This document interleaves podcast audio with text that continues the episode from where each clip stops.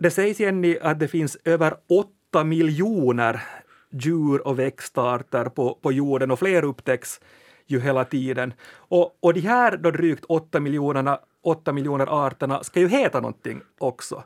Av alla de här arterna, vilket namn tycker du är allra mest fantasieggande? Nu ska jag erkänna att jag kan inte åtta miljoner artnamn. inte? Men ett som jag har fastnat för är alförrädaren. Ja. För den tycker jag faktiskt, det är alltså en fågel och den tycker jag har ett fantasigande namn och jag undrar var, var det här namnet kommer ifrån. Och nu med det här programmet fick jag en anledning att börja rota i det här. Och alförrädaren är alltså en arktisk ejder som framförallt håller till vid Beringssund och i Alaska. Men ibland kan den ses också i Finland. Och namnet sägs komma från att den liknar, alltså dels liknar den alfågeln lite, alltså alfågeln som också är en andfågel. Och dels brukar den förebåda alfågelns ankomst på våren. Så Okej. först kommer alförrädaren och då vet man att snart är alfågeln här. Alfågeln har också ett finlandssvenskt dialektal, dialektalt namn, Alla. Och det är alltså allor, alltså alfågel, som Tove Jansson skriver i, i, i sommarboken.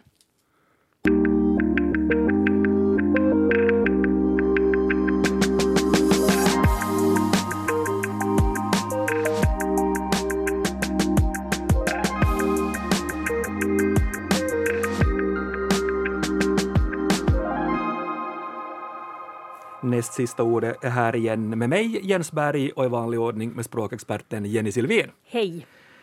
Ju mer jag läser om artnamn, desto mer fascinerad blir jag och desto mer fascinerande blir det. Jag, jag har i sommar gjort en lista på olika märkliga artnamn och jag har plockat ut tre.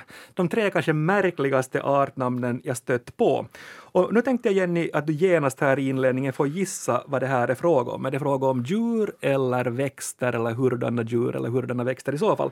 Är du med? Ja, Större frågetecken bock. nå här tror jag mig veta att det är frågan om en insekt. Helt enkelt därför att det finns husbock och andra, andra bockar. And- Andra alternativ skulle nästan vara däggdjur, men de heter inte så här. De har ganska äh, typiska däggdjursnamn. Ja. Där tänker jag att det här frågeteckenbocken kan heta så för att den till exempel har någon teckning som påminner om ett frågetecken. Mm, helt korrekt. Det är en gulsvart skalbagge det, det är fråga om. Andra kommer här. Dödsmössan. Nå, också den så tror jag faktiskt liksom helt av, jag tänker biskopshatten är väl en, en eller liksom toppmurklar. Alltså det, det är en svamp tror jag, Korrekt. helt utifrån formen på. En giftig svamp vars hatt ser ut som en mössa, det är dödsmössan. Och det sista, mjukt kärringhår. Det där tänker jag på en, en eh, det skulle kunna vara en, en lav av något slag, men jag tror att det är sjögräs. Ja, det är en alg. Den, jag, jag googlade den, det ser ut som någon form av grön perukaktig. Ganska bra, Sylvien, här i inledningen. Ska vi se, jag, jag, jag skulle ha varit kanske sämre för ett par veckor sedan innan jag började läsa på Men du, du, du, du nämnde den alför redan, men har du andra språkligt märkliga artnamn på, på dina listor eller på din lista? Nå, en som jag tyckte var ganska rolig var förvånad trägnagare. Och det är alltså då en, en nedbrytarinsekt som jag vet inte, den har då fått det här. Det finns olika typer av trägnagare. Den här förvånad kanske kommer ifrån att, att den ser förvånad ut i mick eller just har en ryggteckning som plötsligt är en förvånad mun eller, eller något annat. Och sen var det en annan som, vänta nu, alltså klumpigt dödsbud hör till det mest makalösa jag har hört. Och dödsbud är alltså en, en insekt som har någon sorts stickande ljud som i folktro Folk, folk som har varit vidskepliga har liksom trott att det förebådar ett dödsfall. Och då Mm. tänker jag att om det finns flera dödsbud, flera olika insekter av liksom i, i familjen dödsbud så eh, kan det här då klumpiga vara för att den är mindre smidig än de andra. Men jag tänker just att det är liksom polisen som kommer med ett klumpigt dödsbud. Liksom ganska makabert. Minsann. Och vem är det då som ger våra arter sina namn? Varför har vi till exempel dyngplättar och varför har vi en skäggmyrpitt? Det ska vi försöka reda ut idag och vi har en gäst med oss för att hjälpa oss på traven här. Jag är jätteglad att ha dig här. Jag säger välkommen till biologen och naturväktaren Anders Albrecht. Tack, tack. Det är roligt att vara här. Det är jätteskoj Anders att ha dig här. De här grejerna, de här artnamnen vi räknar upp här med, med Jenny, var det bekanta för dig alla de här? I, i stort sett ja. ja det, den här frågeteckensbocken, så jag känner bättre den, den mindre frågeteckensbocken. Och det, det är just som du sa, att den har ett frågetecken på sig. Ja. Och den här, den här trägnagaren, så det, den heter Confusum och det, det är egentligen så att, att det är forskarna som har blivit konfunderade med den. Den, den liknar en annan. Att, men sen har man då fört över det här namnet på själva djuret. Så det är inte den som är, som är förvånad. Och, Mm. Och det är ro- dödsbud är faktiskt en, en skalbagge som är nästan utdöd hos oss nu. Och det är dödsure som, före, som tickar i väggen. Och, och det där och, men att den finns nu i alla trähus så vi ska hoppas att det inte stämmer vad man säger om den. Mm. Nej. Men dödsbudet har, har någonting med, med gammalt kött att göra om man får se det vackert. Just det. Ja. Men vad skulle du säga, Anders, 25 år drygt som naturväktare, erkänd biolog. Vilka är de konstigaste eller roligaste artnamn du har stött på eller som du känner, känner till? vad skulle man nu hitta på? Hitta på? Ja, ett, ett namn som kom upp när jag, jag, bör, jag började studera och, och som Göran Bergman test, testade på mig.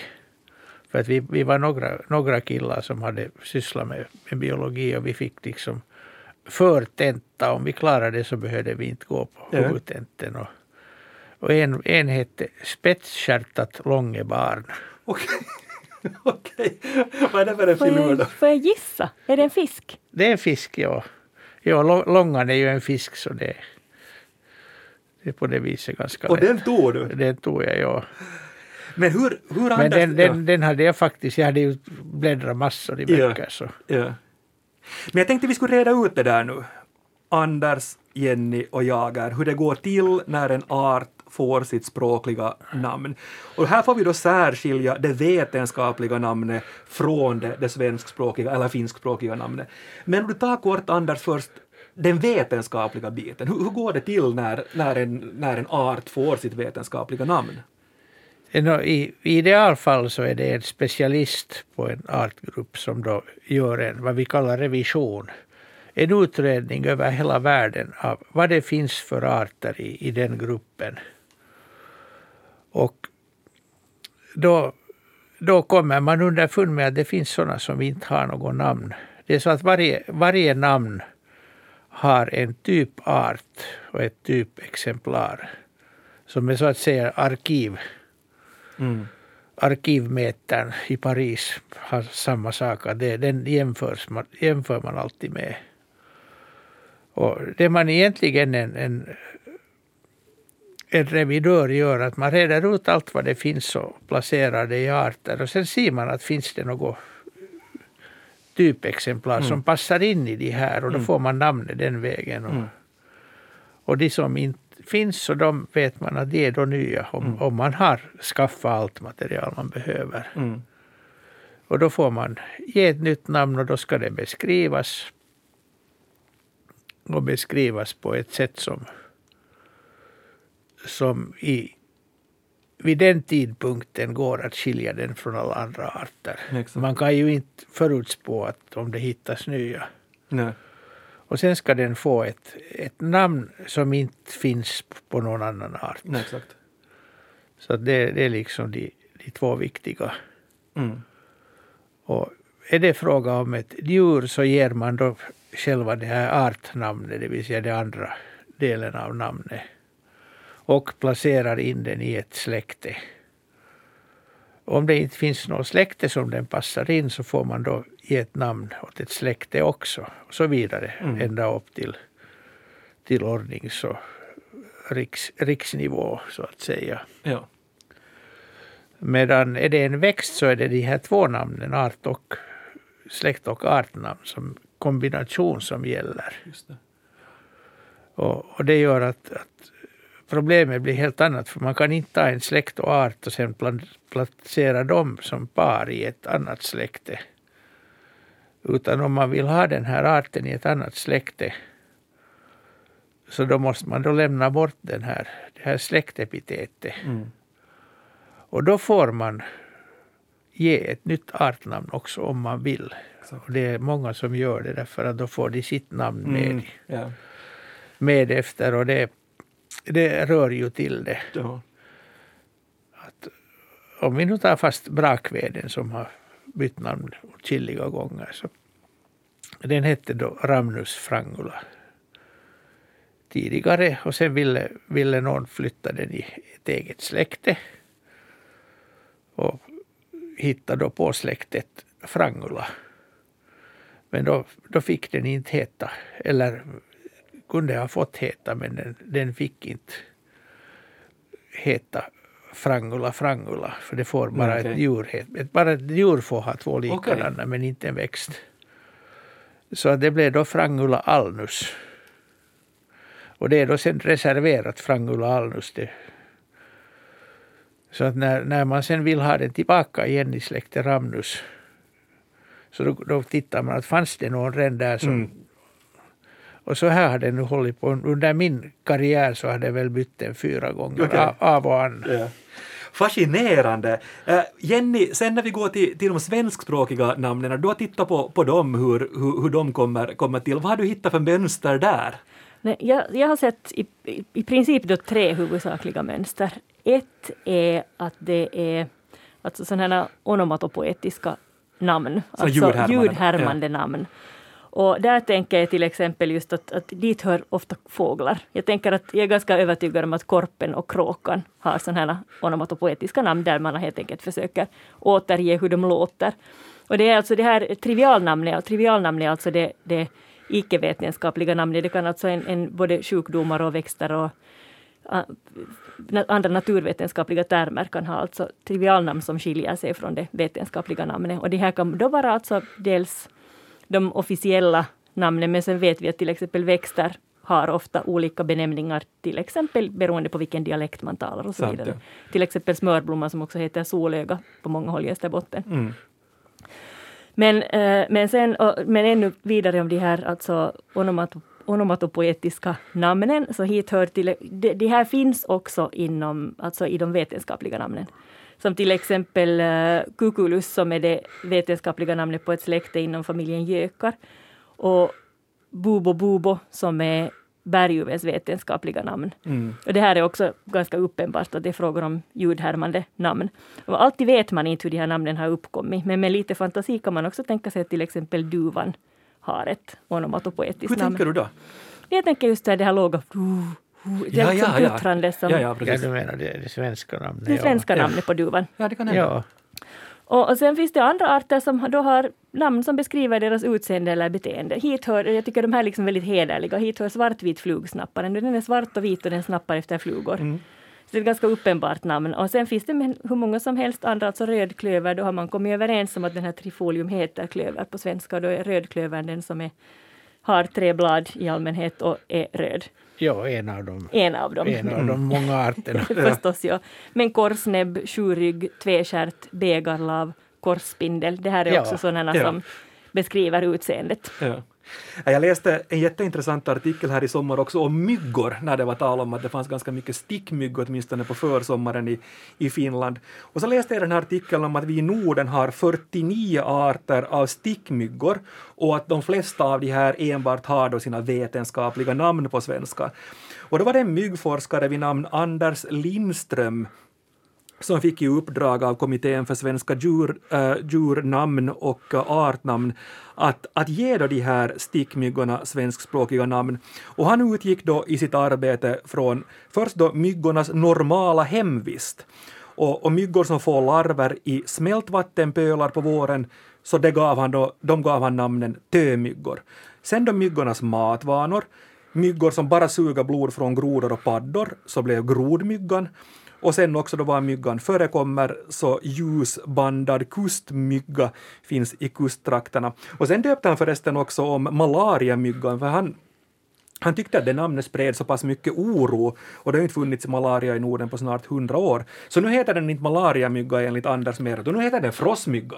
Som den hette före man visste om att malarian fanns. Var det faktiskt så? Ja. Okej, så det är en Det återgång. var när, när vikingarna Ja. vikingarna började, började frysa på myren som de sa, så då hade de blivit bitna av frostmyggan. Jätteintressant. Jätteint- och då visste man alltså inte att malarian fanns, och malaria kan ju i sig, sen i sig ge frossa. Utan man, ja, ja, alltså man, man, hade, man hade frossa på myren. Precis. Ja. Och det blev ju sen när de upptäckte vad det var så, Ja.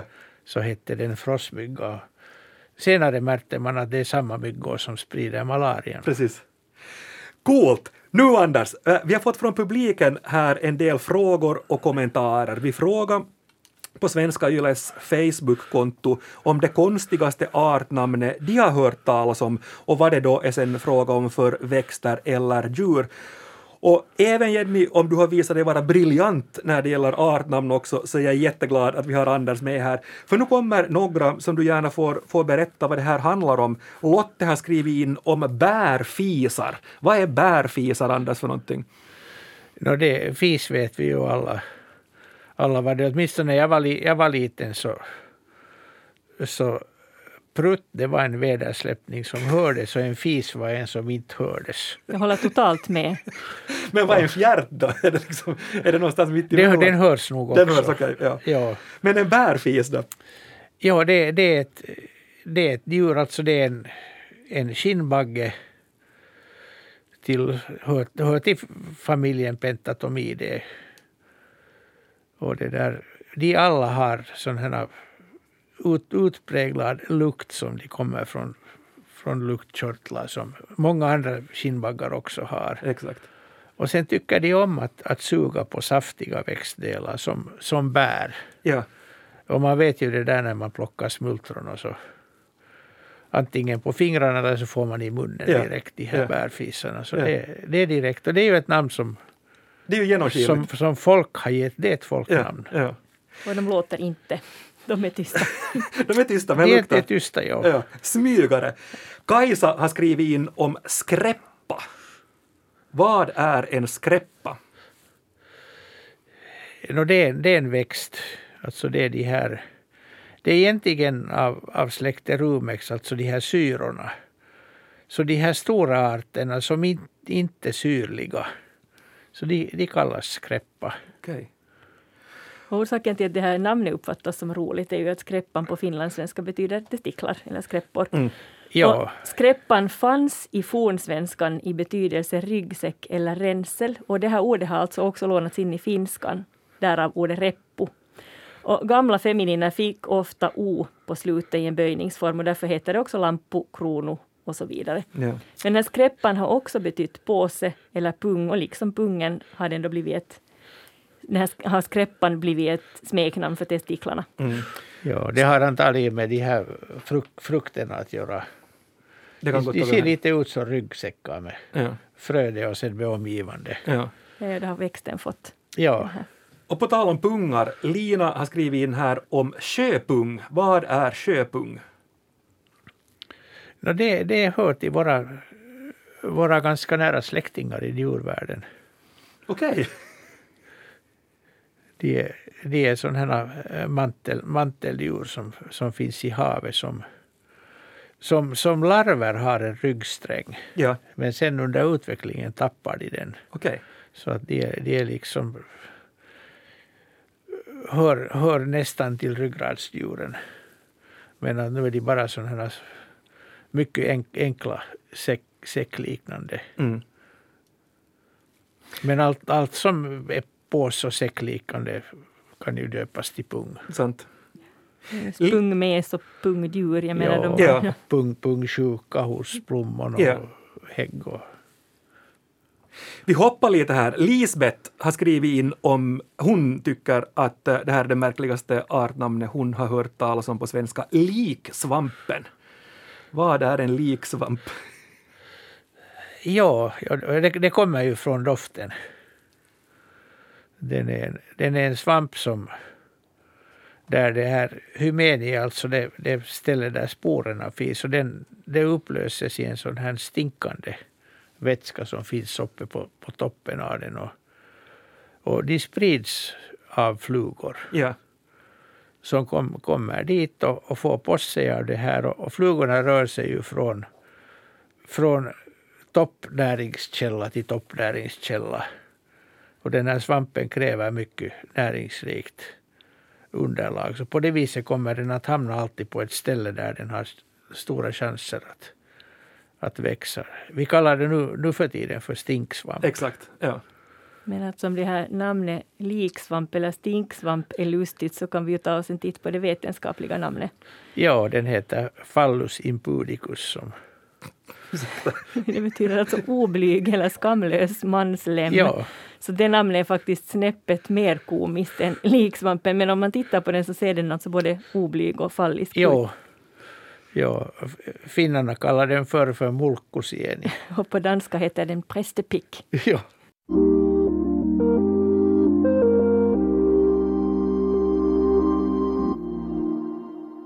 Sen finns det ju också en hel familj av arter, både djur och växter, som har fått sitt namn efter en person. Ibland av personen som upptäckte arten eller sen som en hyllning till en annan person. Vilka exempel har ni på, på det här? Jag tänker ju ganska osökt på Linnean som har fått sitt namn efter Carl von Linné och den var hans favoritblomma. Det var inte han som namngav den här Linnean. Däremot namngav han rudbeckian som är en korgblommig trädgårdsblomma efter sin lärare professor Olof Rudbeck. Okej. Och sen finns alströmerian som också är en vacker perenn som eh, också eh, Linné namngav efter baron Claes Alströmer som gav Linné frön Ja. den här växten. Ja. Dahlian är namngiven av en spansk botaniker som en hyllning till den svenska botanikern Anders Dahl. Ja, det, sen, sen hyllar man ju också de man hatar. Det är sån där hat, hatkärlek som... som och och van, vanligen namn som, som slutar på anum eller anus. Så det betyder att det här, det här ligger något annat bakom än en ren hyllning. Okej. Att stinknävan heter Geranium robertianum. Och då vet vi att det skulle heta Roberti om det skulle vara för att hylla denna Robert. Exakt. Ja. Och nu vet man att det, det är lukten det syftar på. Och eh, ett roligt exempel är också paddans vetenskapliga namn Buffo Buffo som Linné namngav efter den franska filosofen Georges-Louis Leclerc de Bu- Buffon som var en av hans främsta kritiker. Okej. Så han gillade inte Buffon så han gav paddan namn efter honom. Men det är ju ganska, det är ju ganska elakt egentligen och det här har levt kvar nu då i typ 250 50 år åtminstone, eller cirka 250 En år. snygg dissning av en fiende. Faktiskt, Ja. ja. buffa, buffa. Men det är ganska känsligt det här med, med, med namn också, för jag läste nyligen en artikel i Svenska språktidningen och den här artikeln var skriven av etnobiologen och forskaren Ingvar Svanberg vid Uppsala universitet. Och artikeln så handlar om kontroversiella artnamn i kölvattnet av Black Lives Matter. För det visar sig att American Orthological Society så har bestämt sig för att stryka fågelnamnet McCowns Longspur för den här fågeln var då namngiven efter sydstatsgeneralen John McCown och McCown försvarade slaveriet och stred mot urbefolkningen. Och nu har man då strukit det här namnet och gett fågelnamnet Thick-biled Longspur istället, prärielappsparv på, på svenska. Och sen är det också intressant för det kan bli politiskt det här. Till exempel nuvarande regimen i Turkiet så har också rensat i namnen. De enda artnamn som innehöll allt med Kurdistan och Armenien. Där får till exempel nu inte den kurdistanska reven heta så längre och inte heller den armeniska eh, rådjuret. Och sen en intressant grej också som Svanberg skriver här om en diskussion som pågår på svenska nu och det handlar om indianlaxen, för den färgas röd under, under lek, lektiden. Och, och det är samma diskussion som, som ni kommer ihåg till exempel med fotbollslaget Washington Redskins. För nu driver Svanberg och andra också att laxens namn ska bytas då från indianlax till rödlax på svenska. På, på finska så heter den ju den till exempel punalohi. Ganska spännande att det, att det också med, med artnamnen blir en sån här politisk och, och, och ska vi säga samhällelig diskussion. Ja. Och det finns kvar en del ganska makabra namn ännu som...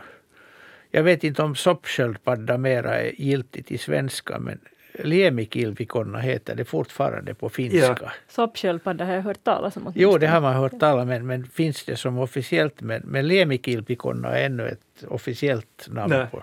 Nej. Men jag vet Jenny, du har talat om gubbslem någon gång. Var, var det där, är, det, är det korrekt då? No, det tycker jag är ganska roligt, för gubbslem är alltså en encellig alg som förekommer över hela jorden. Men år 2001 var det alltså en feministisk grupp som stormade in på scenen under Fröken Sverige-finalen med en banderoll där det stod gubbslem. Ja. För att protestera mot de, de könsstereotypa könsrollerna som den här tävlingen på Ja. något sätt manifesterar. Och, och den demonstrationen anses vara en av anledningarna till att tävlingen sen avvecklades och inte har ordnats sedan 2009. Man liksom, det var fler och fler som tyckte att det var förlegad. Men gubbslem som skällsord finns kvar och med det avses alltså en gubbsjuk man. Ja. Det vill säga en äldre man som sexualiserar unga flickor. Ja, Men det finns ju nog andra artnamn också som låter som de kom direkt ur kapten Haddocks mun. Nu, nu, nu är du på hemmaplan igen. no, ja, men alltså till exempel eh, broskboll, som är en svamp. Ja. Eh, dyngplätt, vet du vad det är? Nej, det vet jag inte. Det är en lav. Aha. Dyngplätt. Och så finns paddfot som är en växt. Men det som är intressant, alltså paddfoten är grön och den har väl sådana här diskreta rödlila blommor. Ja, fru, frukterna är lite sådär flikiga. De är lite som, som paddfötter. Men det roliga, du vet vad den heter på finska? Uh, nej.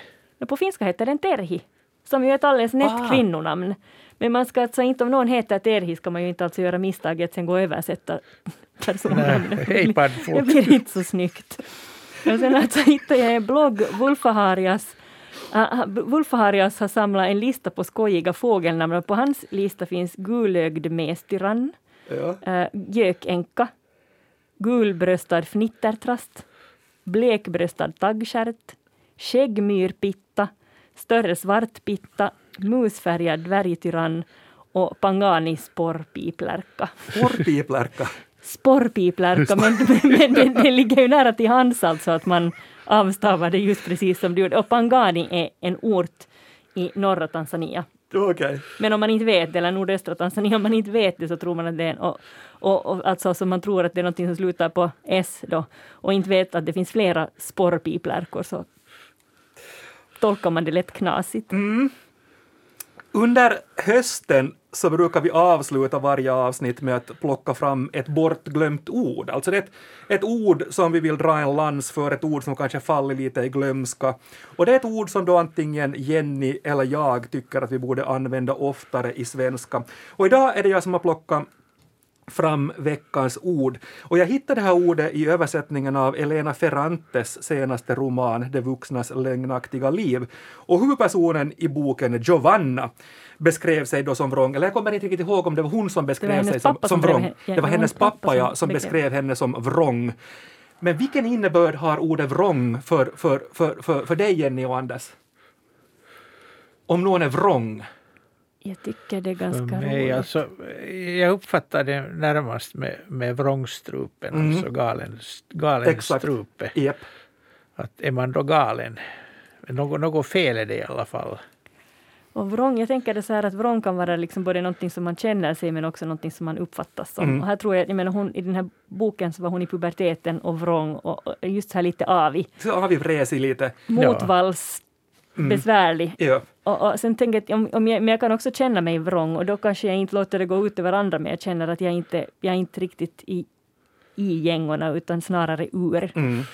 Ja, sådär förvänd, oriktig, så att, så att det finns liksom en sådär dubbel, dubbeltydighet i, i ordet här. Lär komma från, från, ursprungligen från vriden, någonting som är fel. Och jag tycker om ordet vrång av den anledningen att om det, om, om det finns, om, om man använder ordet i betydelsen avog, vresig, purken, snarstucken, lite, lite sådär, så, så är det egentligen en ganska positiv tolkning för att vrång är ju också fel. Så det är liksom en fel inställning till livet då man är vrång och en rätt inställning så är när man, när man inte är vresig. Därför tycker jag om det. Och sen just också Anders, bra att du tog upp äh, vrångstrupen för ofta brukar vi ju använda oss av äh, galenstrupe eller felstrupe direkt översatt från finskan väran kurkku. Ja. Men vrångstrupen är ju också ett härligt gammalt ord som man kanske inte använder lika ofta idag som man skulle kunna. Så är det. Tack Anders Albrecht för att du var med oss i näst sista ordet idag. Hoppas att du inte behöver vara vrång under den kommande veckan. tack, tack. Och tack för alla kommentarer. Fortsätt gärna att skriva till oss på nastsistaordet yle.fi. Ställ oss gärna språkrelaterade frågor eller föreslå ämnen du tycker att vi kan behandla. Men nu för den här veckan säger Jenny och Jens morgens. Morgens.